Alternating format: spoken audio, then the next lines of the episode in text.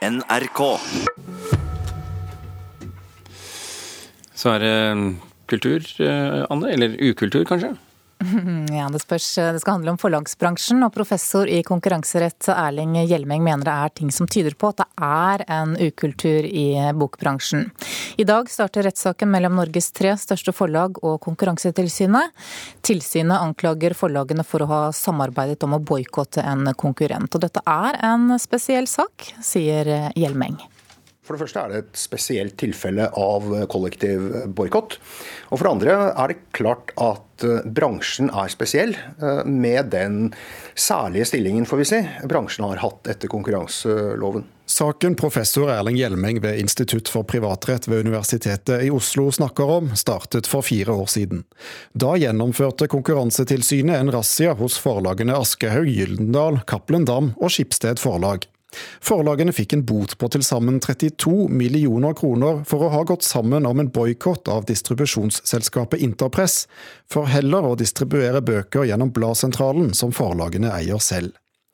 Avdelingsdirektør Gjermund Nese i Konkurransetilsynet forklarer at deres jobb er å sørge for sunn konkurranse til det beste for forbrukerne. Når vi eh, treffer et sånt vedtak, så er det fordi vi mener det har skjedd ting som eh, som kan være uheldig for konkurransen og kan gå utover eh, norske forbrukere, i dette tilfellet eh, bokkjøpere. Så, så dette er en, en, sak som vi, eh, vi ser fram til skal få en, nå en endelig avgjørelse i det. Både Interpress og Bladsentralen leverte bøker til kiosker og dagligvarebutikker. Reitan-gruppen eide både Interpress og butikker som Narvesen, og bestemte seg på et tidspunkt for å kjøpe bøker bare gjennom sitt eget selskap. Omtrent samtidig bestemte de fire forlagene seg for kun å selge bøker til kiosker og butikker gjennom sitt selskap Bladsentralen. Konkurransetilsynet mener dette var en planlagt og koordinert aksjon. Forlagene mener å kunne bevise at de hver for seg hadde lagt nye strategier for distribusjon før Interpress fikk enerett i Reitan-gruppens butikker. Skipsted forlag har vedtatt boten, mens de tre andre har saksøkt Konkurransetilsynet for uriktig bøtelegging. En slik sak, som gjelder et alvorlig brudd på konkurranseloven, vil fungere som en vekker for eh, bransjen. Og det for så vidt uansett utfall av saken. Bok-Norge er en tett integrert bransje der noen få store forlag har kontroll på både distribusjon og bokhandelkjeder. Det kan bety at det er fort gjort å tråkke over streken, tror Erling Hjelmeng. I denne saken så virket det veldig nærliggende for forlagene å gripe til et eh, samarbeid eh, da de fikk eh, disse utfordringene sine med interpress. Og det er klart at det kan være utslag av en kultur eller ukultur i bransjen. For forlagene er allerede vant til å samarbeide om pris på nye bøker, noe som er et politisk velsignet unntak fra den samme paragrafen som Konkurransetilsynet mener de nå har brutt på andre områder. I en bransje hvor man møtes på lovlig vis, så er det selvfølgelig viktig å ha systemer på plass for å sikre at man ikke utveksler konkurransesensitiv informasjon gjennom klare instrukser. Og dette er jo en ekstra utfordring der man i fellesskap sitter og styrer et distribusjonsselskap som Bladsentralen. Siden razziaen i 2014 har Interpress sluttet å distribuere bøker, og Reitan-gruppen har solgt selskapet til en svensk eier. Likevel mener Gjermund Nese i Konkurransetilsynet at det er viktig å gjennomføre rettssaken. Men det er likevel eh, viktig å få belyst eh, de handlingene som eh, Konkurransetilsynet mener er gjort her Eh, og sørge for at selskapene og forlagene er bevisst på hva en kan eh, tillate seg, og ikke eh, bryter konkurranseloven. Reporter her, det var Thomas Alvarstein Ove. Kulturkommentator her i NRK, Agnes Moxnes. Er det en ukultur i bokbransjen, slik professor Hjelmeng antyder her? Ja, Det får vi jo se da i løpet av den måneden denne rettssaken skal være. Det er jo en viktig rettssak, men først og fremst tenker jeg at det er, altså det er jo en komplisert sak. Men det er jo først og fremst en veldig interessant eh, sak. Eh, for det første fordi bokbransjen og Konkurransetilsynet i tiår har skult eh, på hverandre. Konkurransetilsynet er jo prinsipielle motstandere av at en hel bransje med politikernes velsignelse, vel å merke, skal få unntak fra konkurranselovene. Altså dette med at i Norge så er det ikke konkurranse på bokpriser i det første året en bok blir gitt ut. Og så ja, bokbransjen er ofte blitt beskyldt for å snakke mer sammen enn lovlig er. Altså at de egentlig har drevet og driver kartellvirksomhet. Og gjennom denne rettssaken som kommer nå, da, så vil vi jo få en viss innsikt i hvordan dette fungerer da i praksis. Mm. Kan denne rettssaken få noen betydning for strukturen i bransjen? Ja, altså Hvis det kommer eksempler på systematiske brudd på, på konkurranselovene, ja, så, så, vil jeg tro at det kan fange politikernes eh, interesse. For det er jo sånn at bokbransjen nyter godt av veldig mange goder, i tillegg til unntakene fra konkurranselovene. Eh, så er det momsfritak på det eh, forlagene produserer, altså bøkene. Og i tillegg så kjøpes jo bøker inn til bibliotekene, og dermed så garanterer jo staten for en minimumsomsetning. Og alt dette her, det tilsier at bokbransjen skal liksom takke og bukke og være eksemplariske i all sin ferd. Og Konkurransetilsynet mener jo altså at det har ikke forlagene vært, i og med at de for et år siden ga dem en veldig høy bot på 32 millioner kroner. Og det er jo den boten Konkurransetilsynet nå skal forsvare i retten fra og med i dag. Mm. Cappelen Dam sier jo i en kort kommentar at de er grunnleggende uenige i det faktiske og juridiske grunnlaget for saken, og vi har ikke lykkes i å få tak i Aschehoug og Gyldendal i denne omgang. Det er altså satt av fire uker til denne rettssaken. Blir dette en interessant sak også utover det konkrete forholdet?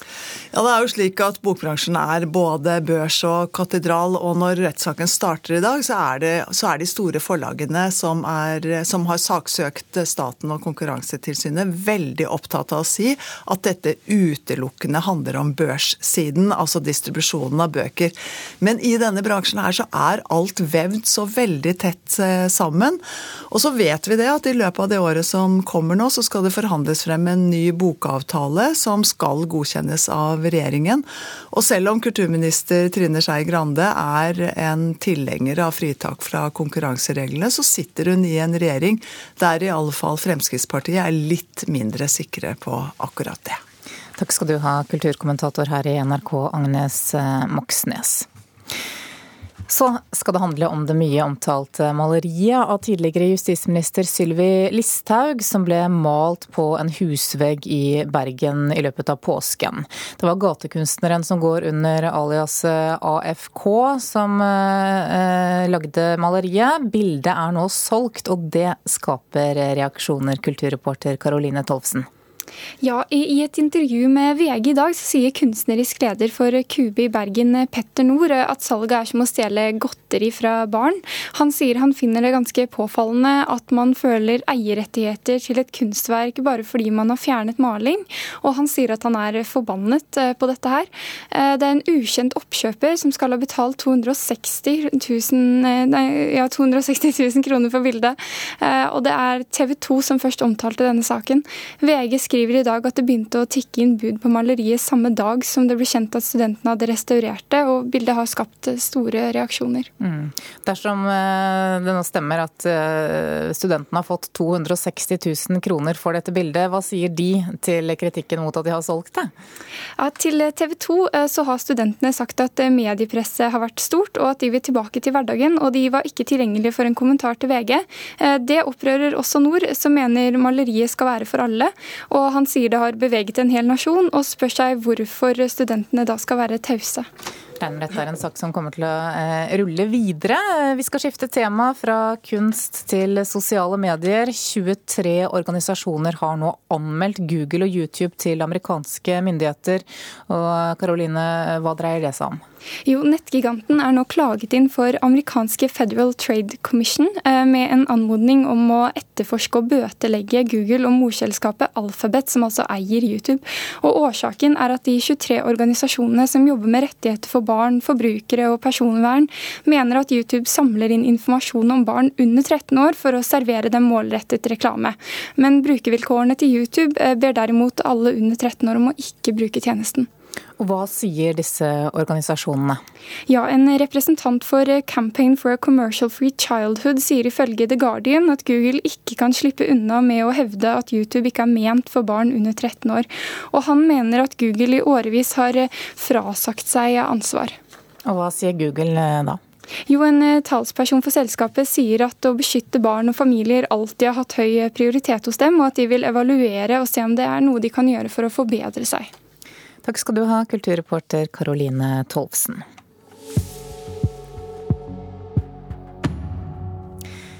Forfatter Vigdis Hjorth er ute med sin første bok siden den mye omtalte romanen 'Arv og miljø'. Denne gangen handler det om fire essayer, og tittelen på boka er 'Å tie og å tale'. Litteraturanmelder her i NRK, Knut Hoem, du har lest boken. Hvem og hva skriver Hjorth om denne gangen? Denne gangen så presenterer hun oss for noen av sine litterære husguder som var viktig for henne da hun var barn og ung, og som hun har med seg fortsatt. Blant annet Alf Prøysen, Rolf Jacobsen, Agna Mykle. Så langt tenkte jeg at dette var en slags østlandsk litterær kanon. Men så kommer hun også med Bertolt Brecht, som også var sentral i hennes forrige essaysamling, 'Fyr og flamme'. Dag Solstad og Alexander Kielland. Hva er nytt da i måten hun leser disse forfatterne på?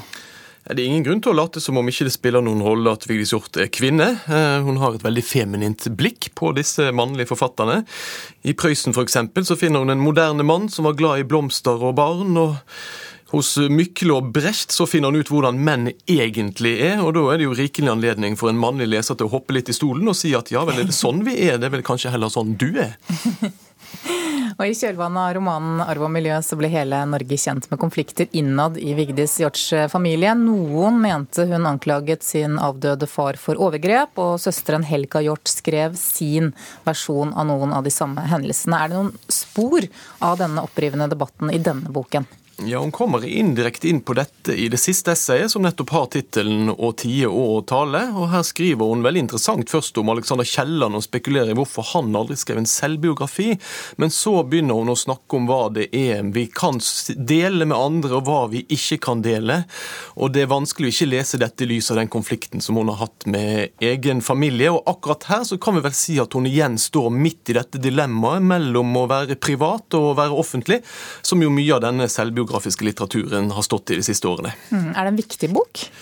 Altså Det er en bok som eh, For meg så er det viktig at hun forteller alle der ute at eh, når man skal lese litteratur, så er det viktig å kjenne seg igjen. og Rolf Jacobsen handler kanskje ikke om modernisme, men om at han elsket Petra eh, i diktene sine. Så på den måten så tror jeg disse lesningene i, i disse forfatterskapene vil inspirere både på lesesirkel, over kjøkkenbordet og ikke minst for for lærere som skal lære elevene å bli opptatt av litteratur. Mm, så det betyr at det er en, eh, en god bok? Det er sentralt forfatterskap, eh, og da bør man ha disse essayene. Takk skal du ha, litteraturanmelder her i NRK, Knut Hoem. Men Knut Hoem, når vi nå først en gang har en bergenser her i, i studio, hva syns du om det nye navnet Vestland på denne nye regionen der borte? Jo, jeg er vel egentlig, syns egentlig ganske fint, jeg. Selv om de ikke får være med de lengst nederst. Men har du ingen sympati for eh, rogalendingene? Jo, jeg skal prøve. Jeg skal prøve å mobilisere litt. Grunnen til at vi snakker om dette her, det er jo at vi etter Dagsnytt eh, skal snakke mer om valg av navn. Eh, nå er jo det bare bestemt. Vestland eh, er det det skal hete. Hordaland og Sogn og Fjordane. Deler av Hallingskarvet, som, blir, som ligger altså midt oppå fjellet, blir jo en del av saltvannsregionen Viken. Og dette skaper jo veldig store eh, diskusjoner, ikke minst eh, på eh, vestsiden. Rogaland er jo et av de stedene hvor det diskuteres mye. Dette skal vi snakke om etter Dagsnytt.